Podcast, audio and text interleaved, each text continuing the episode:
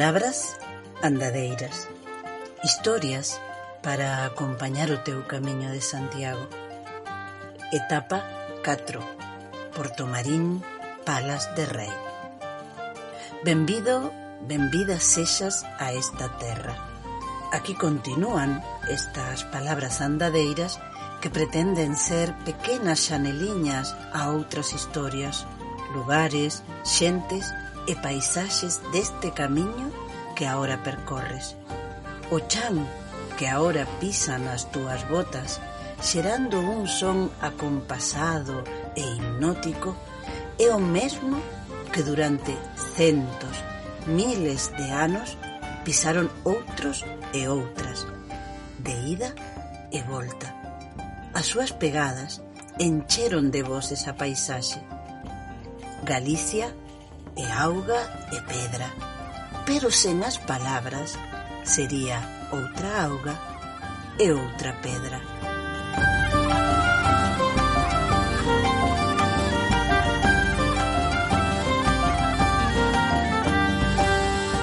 A paisaxe que ves. Portomarín forma parte dunha paisaxe tremendamente modificada polo home. Case seguro que tes escoitado ou lido dabondo sobre o encoro de Belesar que asolagou a vella vila, pero moita xente non sabe que a construción da presa supuxo anegar case dous mil hectáreas de terreo fértil, a desaparición do Castro Candás e doutros lugares habitados como Mourulle, Pincelo, Abeledo ou Portomeña. Podes atopar en Youtube documentais da época co traslado pedra a pedra da igrexa de San Nicolao, San Pedro e das grandes casas señoriais. Aínda hoxe poden verse nas pedras os números, a numeración para seren colocadas en orde na actual ubicación. A etapa que vas principiar está fraccionada pola Serra de Ligonde, que á súa vez divide as cuncas dos ríos Miño e Ulloa e os concellos de Portomarín e Monterroso. Segundo Antonio Fraguas e Fraguas, en Galicia as augas teñen vida e dormen pola noite e síntense feridas si se bebe un vaso de auga con unha vela acendida na man. Moitos ríos foron mulleres que cansas Dormiron no lugar do nacimento. O Miño foi un home, o pai Miño, a quen as xentes presumen con grandes barbas. Como todos os ríos, ten o seu leito deica chegar ao mar e, cando chega, bota pola boca a auga recollida. Un monumental exemplar de carballo pedunculado, un quercus robur, recibe os peregrinos na entrada da aldea de Ligonde onda o seu coñecido cruceiro. Nesta etapa é onde deixamos as costas a cunca hidrográfica do Miño ao tempo que nos dá a benvida a ribeira do Ulla.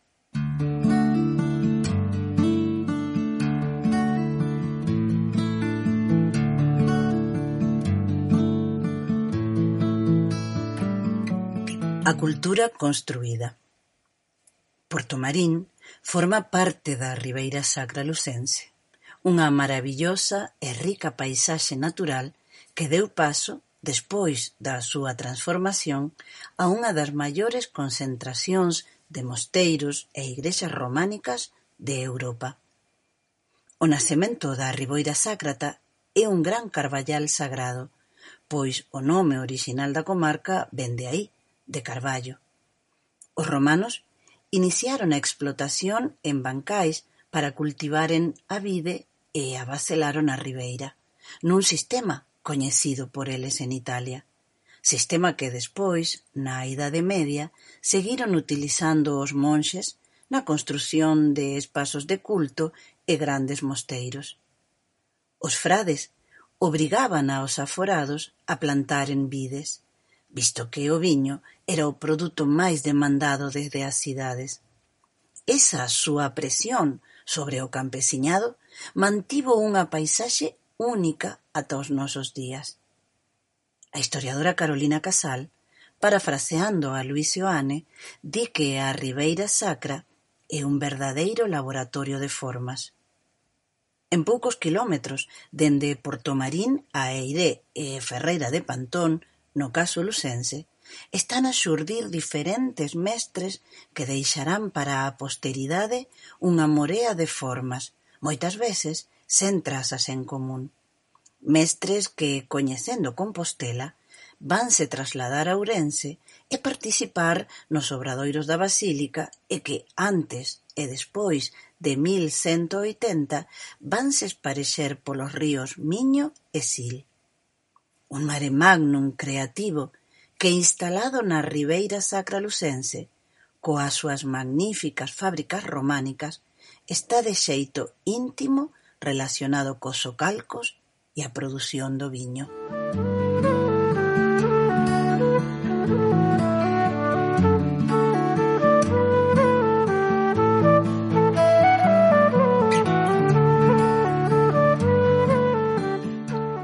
Palabra de autor.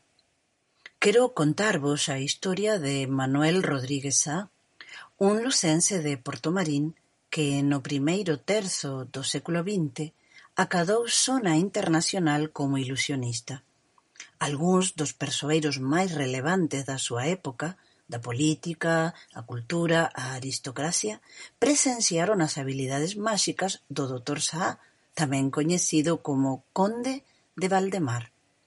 Manuel Rodríguez Sá Viaxou por primeira vez a La Habana no verán de mil novecentos vinte e un; tiña trinta e cinco anos e a mesma obsesión coa que saíu da aldea para servir en Lugo: coñecer mundo e facer cartos. A Cuba chegou nun vapor desde México. Tiña unha reserva no Praza, como Sara Bernard, e moita equipaxe no camarote. Antes de chegar a porto, fixo chamar un mozo e ofreceulle unha propina. Brindoulle un anaco do xornal. O acordado, mozo, e por adiantado. O rapaz quedou pampo mirando o anaco de papel. O galego arrebatoullo, Fixo con el unha bola e púxollo de novo nas mans, convertido nun dólar americano. Hai trato? Eran dous dos seus trucos favoritos, o do billete e o do rumor. Seguro que o público que ateigaba o Gran Teatro da Habana para velo poucos días despois non era alleo ao milagre. O conde de Valdemar procuraba sempre despertar a curiosidade da parroquia antes de actuar. Aínda que se presentaba como profesor de Ciencias Físicas pola Escola Máxica de París e membro da Academia de Hipnotizadores de Francia, o doutor Saa era autodidacta Contan Xosé Díaz e Belén Fernández no seu libro "O misterioso Dr. Saa" que todo o aprendeu nos clubs e cabarés de Montparnasse, onde chegou despois de malvivir como camareiro en Madrid. Méliès, outro afeccionado ao ilusionismo, xa convertera a pantalla de cinema no lugar privilexiado do asombro, pero a maxia, da man de Houdini e outros, Vivía aínda a súa idade dourada. Rodríguez Sá tiña en mente o próximo teito a conquistar logo do éxito en Latinoamérica: debutar en España. O quince de xaneiro de 1925 conseguiu por fin estrear no Teatro Novidades de Barcelona. Non foi fácil. Tivo que suspender o primeiro intento porque a súa equipaxe seguía secuestrada no paso fronteirizo dos Pirineos. É difícil saber agora que cota do éxito se debe á ocurrencia de convidar a todos os xornalistas, médicos e potentados da cidade. Pero, poucos días despois, chegou a confirmación ao Hotel España. O ditador primo de Rivera queríao en África non para combater, senón para entreter as tropas que arrasaban Marrocos. Con razón íase facer chamar rei de magos e mago de reis. Se non perdese máis dun baúl no seu ir e vir, Rodríguez Saá conservaría as evidencias do seu coqueteo con sátrapas de medio mundo. Soubo sacar partido a debilidade dos poderosos polas súas capacidades. A cigarreira de ouro que lle regalou a realeza española foi o cebo para a súa primeira xira galega. A foto na que compartía a mesa co emperador Hirohito salvoulle a vida durante a invasión xaponesa de Filipinas, onde pasou da cola do pelotón de fusilamento a ser un intocable. Estivo anos establecido en Manila. Coñecera a súa muller nunha festa privada mentre esos militares Ultimaban o golpe en España en xulio de mil novecentos trinta e seis. Ela, Teodora Salgado, tiña terras, escravos e boas relacións, así que viviron cómodamente ata 1944.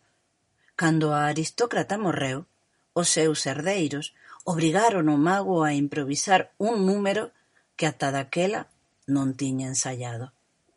Fuxiu sen que ninguén se dese conta no patio de butacas, e cumpriu a súa promesa de non volver xamais a Filipinas. En novembro de 1984 enterrárono en Porto Marín.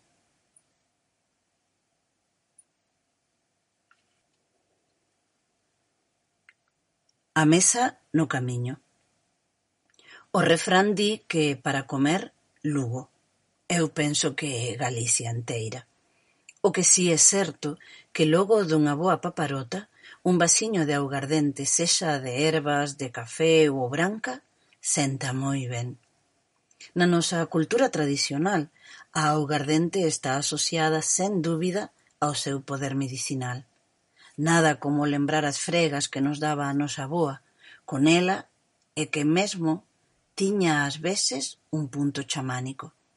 Nalgúns sitios de Galicia a curandeira bebía primeiro un vaso, tragaba a metade e a outra metade ía soprando sobre as partes doridas das persoas. Non sei canto tiñan de curativas estas prácticas e canto de festivas. Ai, as fregas, dor e pracer ao mesmo tempo. Dicía o antropólogo Manuel Mandianes que a augardente en Galicia agárdanos nos grandes momentos da vida que en Galicia son catro: a morte, o matrimonio, o bautizo e, por suposto, a matanza do porco. Así que, dependendo das casas, era moi habitual que se ofrecese antes ou despois da matanza do animal un vasiño. Aquí A augardente celebra sempre os ritos de paso dun estado a outro, e mesmo do día e da noite. Os nosos vellos tomaban o seu vasiño na casa pola mañá cedo, antes de ir ensachar nas leiras, marcando o paso da noite ao día co que hoxe chamaríamos ánimos renovados. E lembrarán, sen dúbida, a gran anécdota de Betanzos que teño escoitado en mil situacións distintas, con alcaldes, con mítins electorais e mesmo nunha discusión entre o señor de Andrade e os irmandiños. Dicía o orador, «Betanceiros, que queredes?» e respondía toda a asemblea veciñal, «Que suba o pan e baixe a caña!»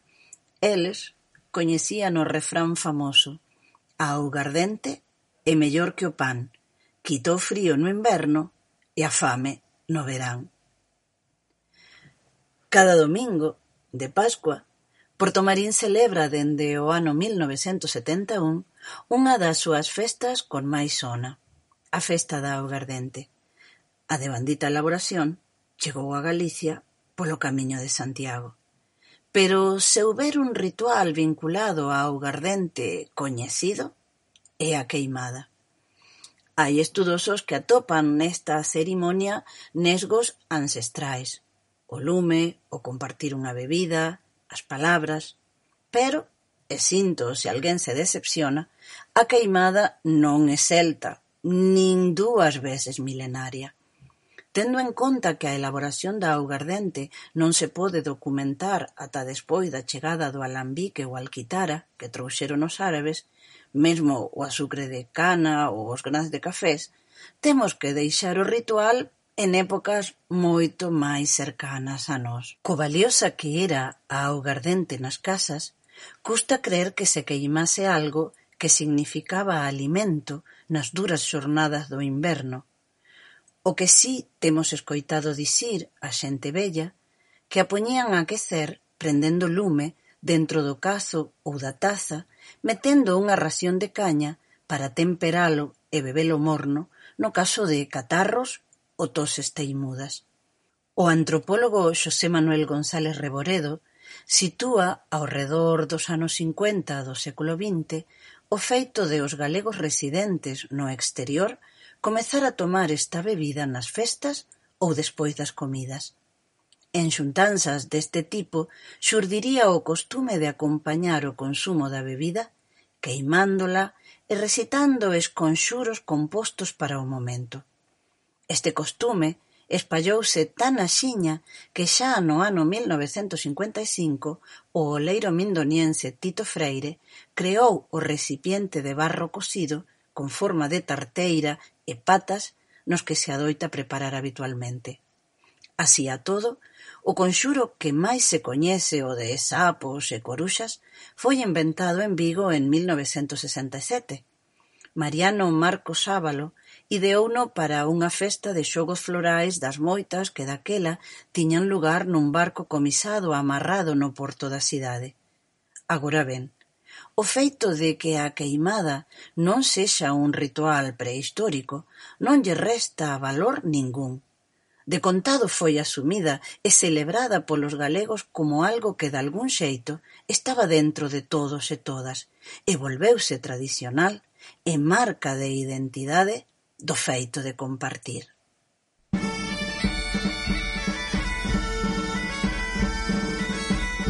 Mouchos coruxas, sapos e bruxas.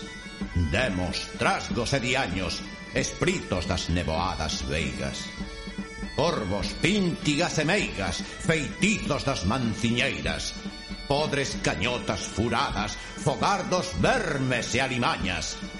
Lume das santas compañas, mal de ollo, negros meigallos, cheiro dos mortos, tronos e raios.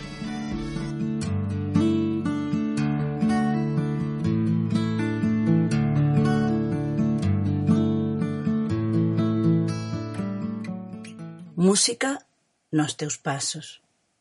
It, nome dun príncipe celta fillo de Breogán, dá nome ao grupo que forman Lucía da Fonte, Miguel Iglesias, Toxo, Gonzalo Suárez e Alberto Vilas. It é un conxunto que dende os seus inicios aposta polo rock galego en galego. Veñen de estrear novo disco, mais nós imos a gozar de Fiz, un poema do poeta afís Vergara Vilariño que musicalizaron no seu traballo anterior.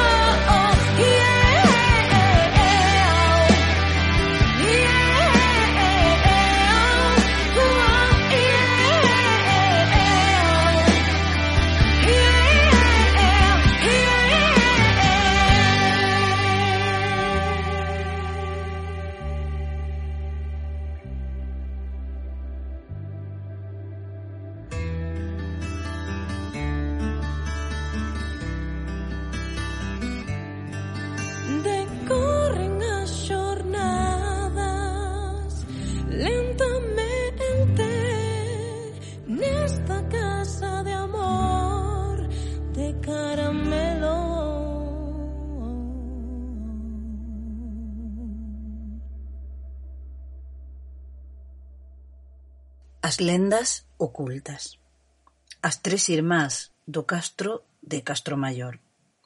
Esta lenda fálanos dun home que andaba nas mallas por Castela cando atopou unha muller que lle falou das fillas que deixara en Castromaior, no concello de Portomarín. Ela pediulle de favor de que lle levase unha encarga: tres tortas, unha para cada filla. Cando o home volveu a Galicia contoulle á súa dona o conto, e ela, sabichona, colleu un cacho dunha das tortas, decatándose, en canto a abriu, de que estaba chea de pelos de burro.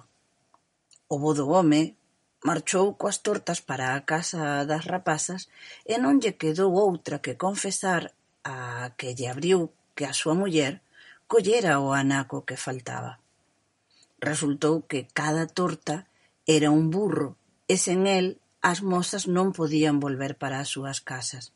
O trisco que faltaba viña sendo a pata dun dos burros. A irmá máis nova, que era a que quedara sen burro para regresar, entregoulle un cinto ao home e díxolle que en canto chegase a casa era ben que llo puxese a súa muller. De camiño, o home atouno a unha árbore e en canto o cinguiu ao tronco, tronzou polo medio.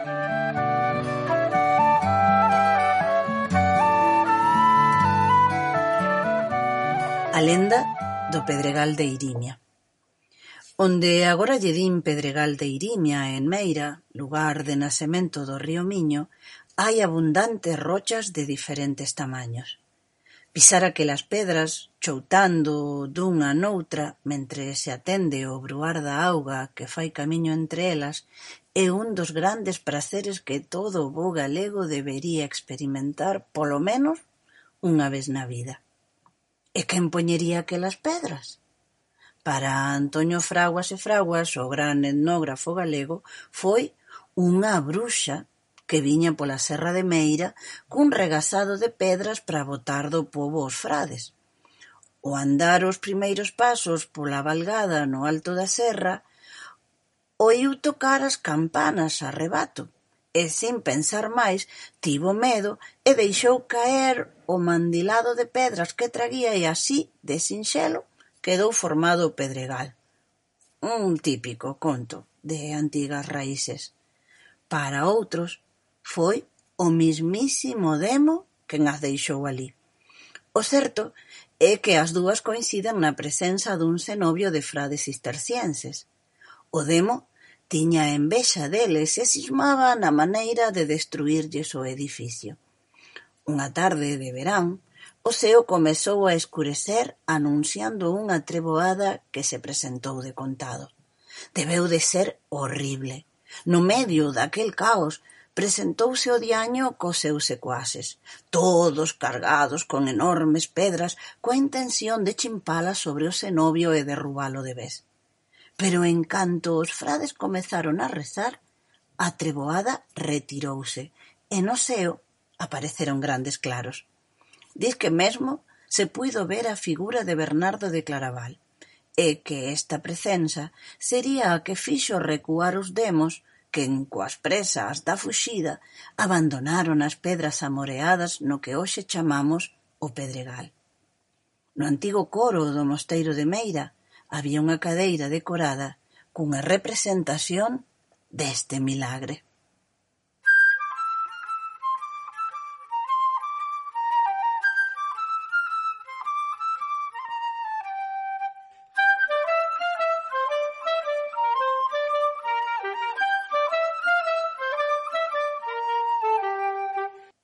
O patrimonio está aquí.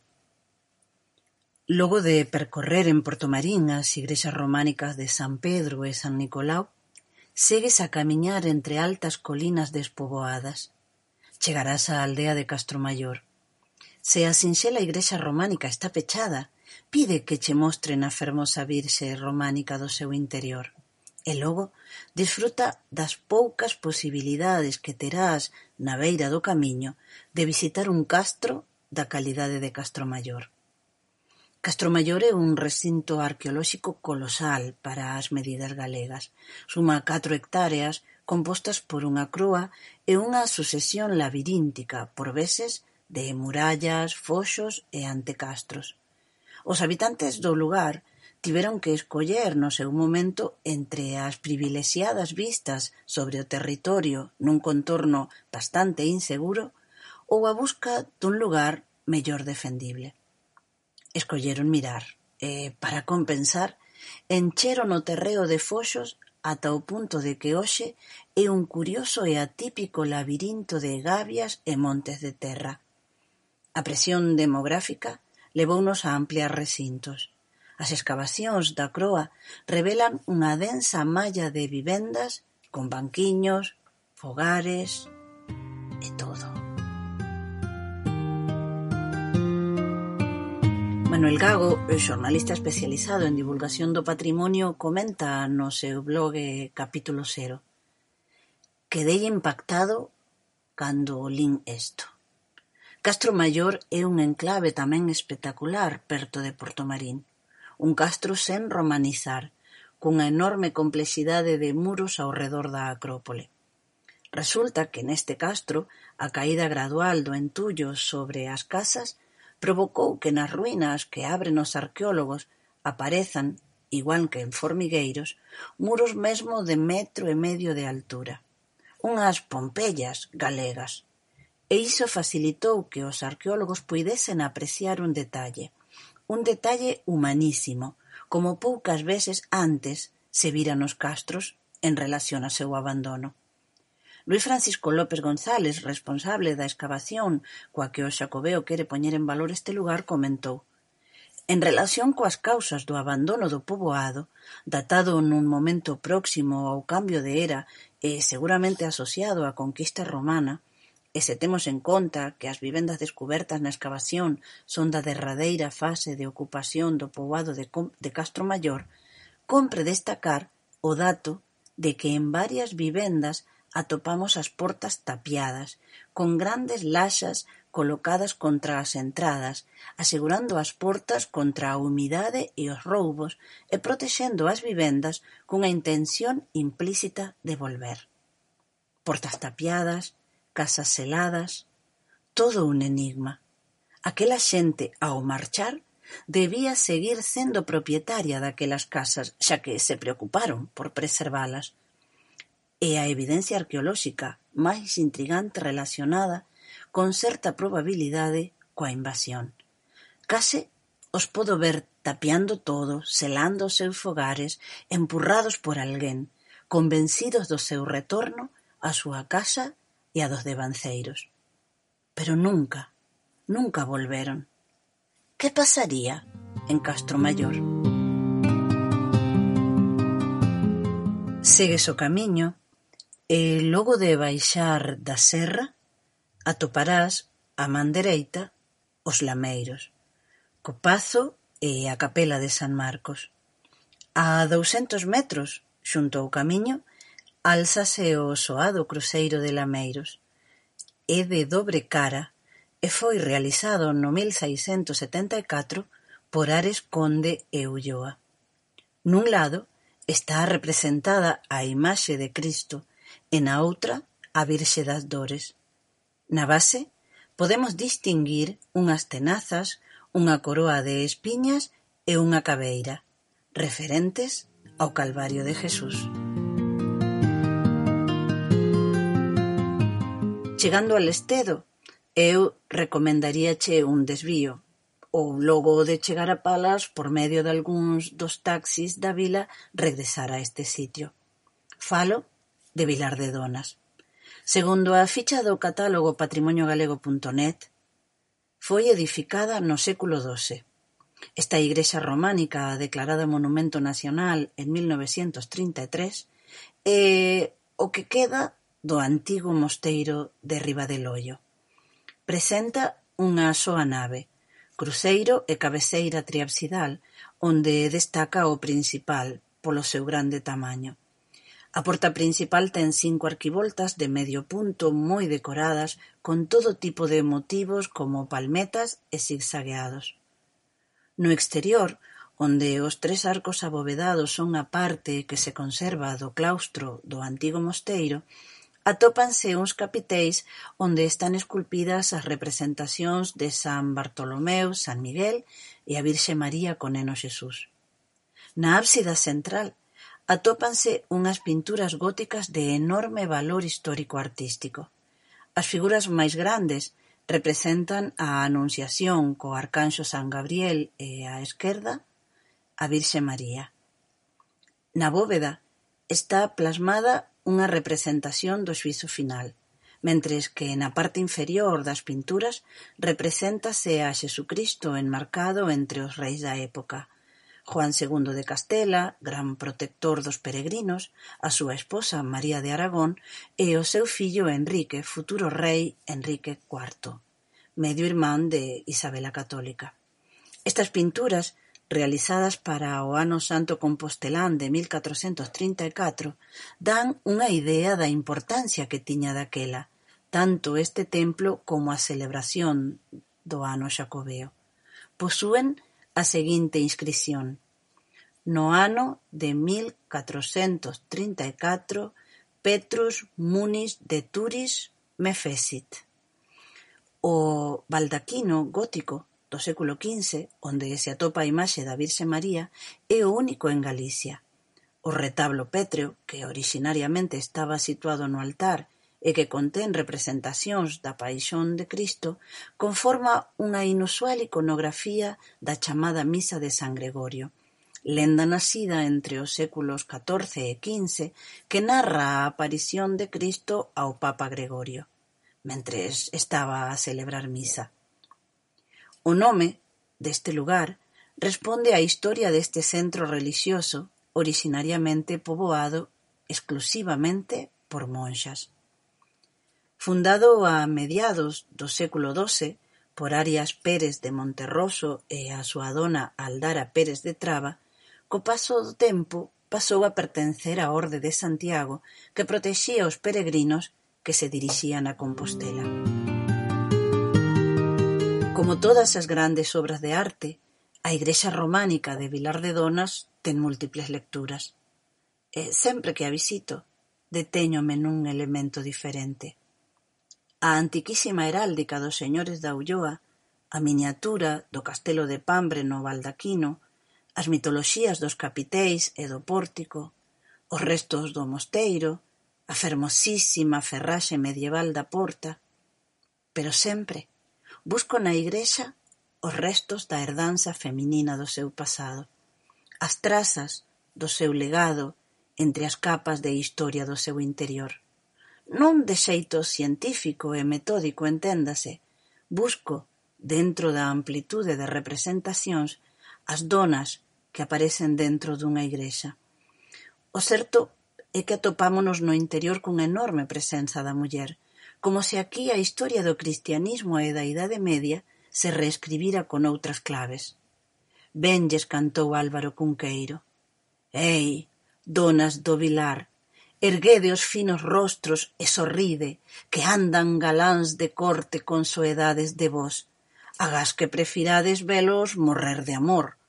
Letem sen va, letem sen va, mes da mes, de todos les amores, o vosso amor Escollo, miñas donas, Giocondas, en vós ollo tódalas damas que foron no país, unhas brancas camelias, outras flores de lis.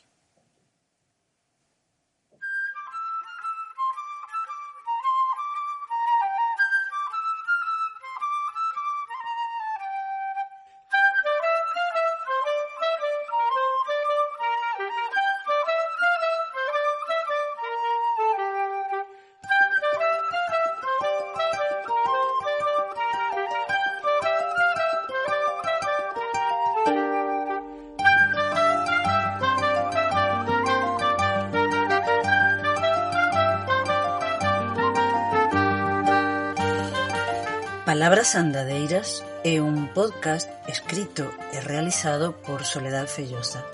Sintonía, Manolo Panforreteiro, Xógara e Chachuca. Obra realizada ao abeiro do Fondo de Proxectos Culturais Xacobeo 2021 da Xunta de Galicia.